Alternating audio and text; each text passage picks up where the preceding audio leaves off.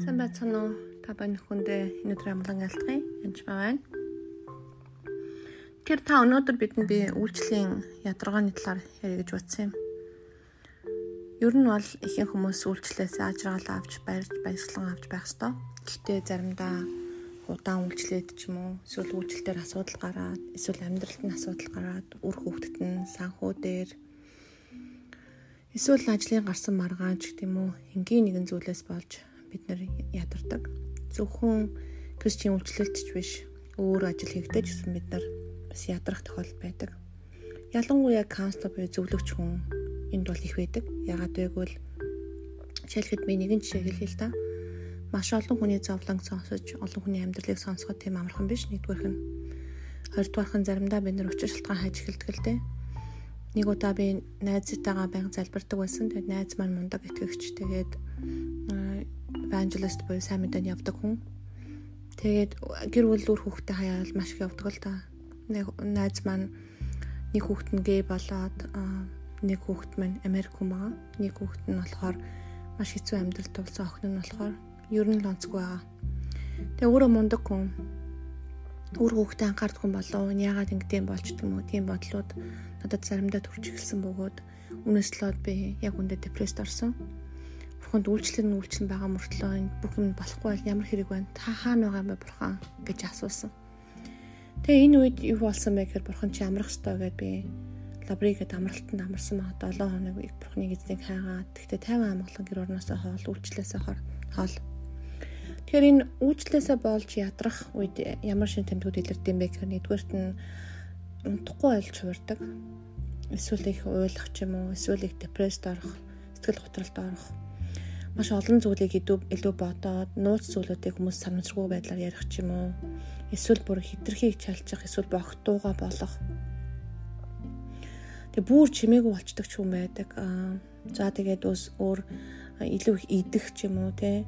Хуучин одоо дондолт ч юм уу хуучин одоо байсан хүнтэйгээ асуудал руу орох Тэгэл ер нь өөрийгөө хамгаалаад жижигхэн сажигм дуурлаад бухимдаал иймэрхүү байдалд ороод зүгээр хүний ярьсан яриа хүртэл зөвхөн чам чамаг доош нь хийж байгаа юм шиг болоод ч юм уу.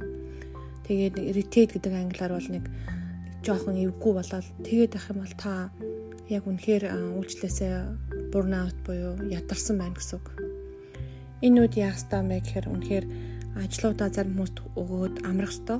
Тэгээд зарим хүмүүс их амралтанд явах ёстой ч юм уу ингэдэг ёстой гэж хэлдэг л дээ.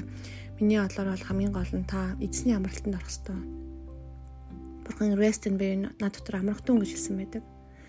Тэр энэ амралтанд орохын тулд амралт гэдэг үгнийхээ учрыг сайн олгох хэрэгтэй. Яагаад бас ядарсан талаараа бас бодох хэрэгтэй. Тэгэхээр бурханд бүрэн ялангуяа санхүүгийн асуудалтай байгаас бурхан бүрэн найдаж итгэнэ гэсэн үг. Маргаашин талахыг бурхан өгчл таараа. Үр хүүхдийн асуудалтай бол ялангуяа хүүхдүүд одоо асуудал гаргах үед бид нар илүү санаа доо. Гэхдээ би өөр хүүхдийнхээ асуудлыг хэдэж бодож чадахгүй байж яаж өөр хүмүүс туслах вэ гэж боддог байсан тухайн нэг хүний талаар би уншиж байсан ба сонсож байсан. Маш алдартай итгэж бөгөөд маш мундаг олон хүмүүст тусалдаг хүн шүү дээ.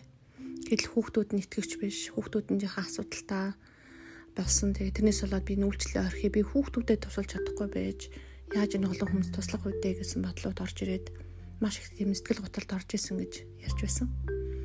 Тэгэхээр заримдаа жишээлбэл би өөрөө өвддөг бас байгаа. Тэгсэн мөртлөө итгэвлийн залбирал хийдэг. Тэгээ зарим хүн чи өөрөө идгэж өөрөө өөрийгөө идгэж чадахгүй байж яагаад бус түүнийг идгэж чадах юм бэ гэж хэлдэг. Тэгээ тэр үед нь би юу хэлдэг вэ гэхээр би идгээдгүй маа. Иесусийн шахаар хүмүүс итгэрсэн. Би зүгээр идэвхрэлтэн тусалд тусалж өгдөг. Би зүгээр цэвэрлэгээ хийдэг. Радиогоор бол би сургын зөвхөн тохируулж өгдөг хүн. Тэр сувгийг би цацдаггүй.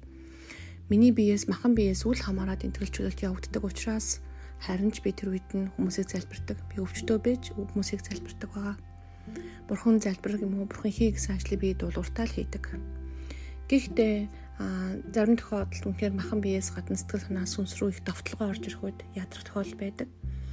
Тэгээд жишээлбэл тэр үнэхээр тэр найздаа яагаад юм байгаа юм бэ гэж асуултад маш их би асууж ирсэн. Бурхан дүүсэл хахад улам ингээд зовоод тийм үү гэж асууж ирсэн би. Тэг нэгдүгээрхэнд ийм асуултуудыг асууж болохгүй Хоёрдугаарт нь нугасаа унаж байгаа дэлхийн ертөнц бөгөөд улмалд ордож байгаа. Тэгээ зарим асуудал ухаасаа заримдаа энэ бурхан байдаггүй. Бурхан биш чөтгөр хийж байдаг бас заримдаа. Аа гэхдээ бурхан мэдж байгаа юу мэдж байгаа л да. Бурхан яагаад энийг зөвшөөрсөн болч гэдэг юм уу? Их тийм эргэлзээ төрүүлж оруулж ирэх юм бол угаасаа чөтгөр байдаг. Тийм учраас та үнэхээр эрхэн эзэнд бурханд найдах хэрэгтэй үнэхээр сайн бурхан гэдэгт итгэх хэрэгтэй. Тэр бол хамгийн чухал. Тэр үнэхээр сайн бурхан бөгөөд сайн аав. Аа тэгээд энэ хэр бурнаут буюу юм болсон үед байх юм бол буцаад хаанаас хаанашаа холдуу яг юу болохоо байв. Яг юу болохгүй нь гэдэг дээр ирээд та амрах хэрэгтэй эзэн дотор аваа надад туслаач. Асуудал хаана вэ гэж ирэх хэрэгтэй. Гал галуун үйлчилж байх үед ийм асуудал болдгоо.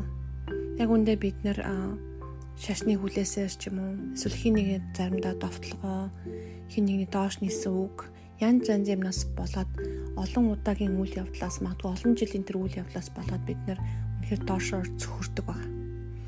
Энэ цөхөрсөн үед та хаана ирэх ёстой вэ гэж эзэн дээр ирэх ёстой. Аваа гэд очих ёстой. Надад туслаач гэд намайг чөлөөлж өгөөч.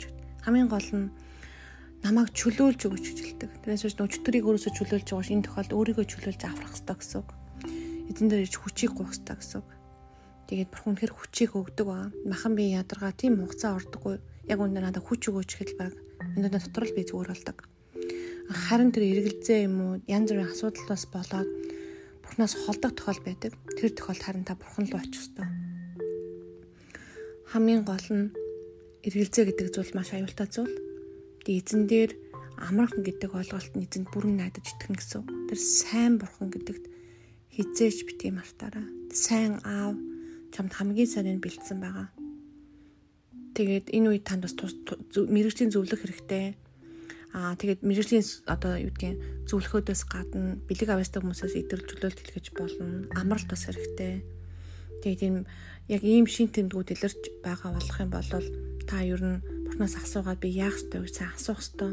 Энэ үед бити урагшаа ингээд нөгөө машинаар бол хамаг эд ангаа эвдчих гээд урагшлаад байж болохгүй. Зогсоод за энэ эд ангаа засуулах ёстой болсон тос хийх ёстой болсон уу гэдэг шиг танд магадгүй дахин тослогоо, дахин сүнсний дүүрэлт, дахин бэлэг авяас, дахин нөхөрлөл хэрэгтэй болж болно. Тийм учраас яг юу хэрэгтэй вэ гэж бурхнаас сайн асуугаад ер нь бол эзэн дотор амрах хэрэгтэй. Тэгээд та бүхнийг эндсэн дотор сайхан амраасаа гэж би үнэхээр хүсэж байна. Тэгээд үргэлж амарч байгаараа.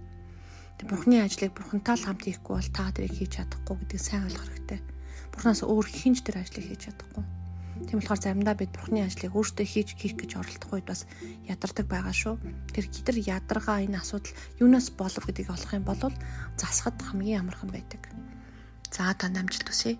Баярлалаа. Баяртай.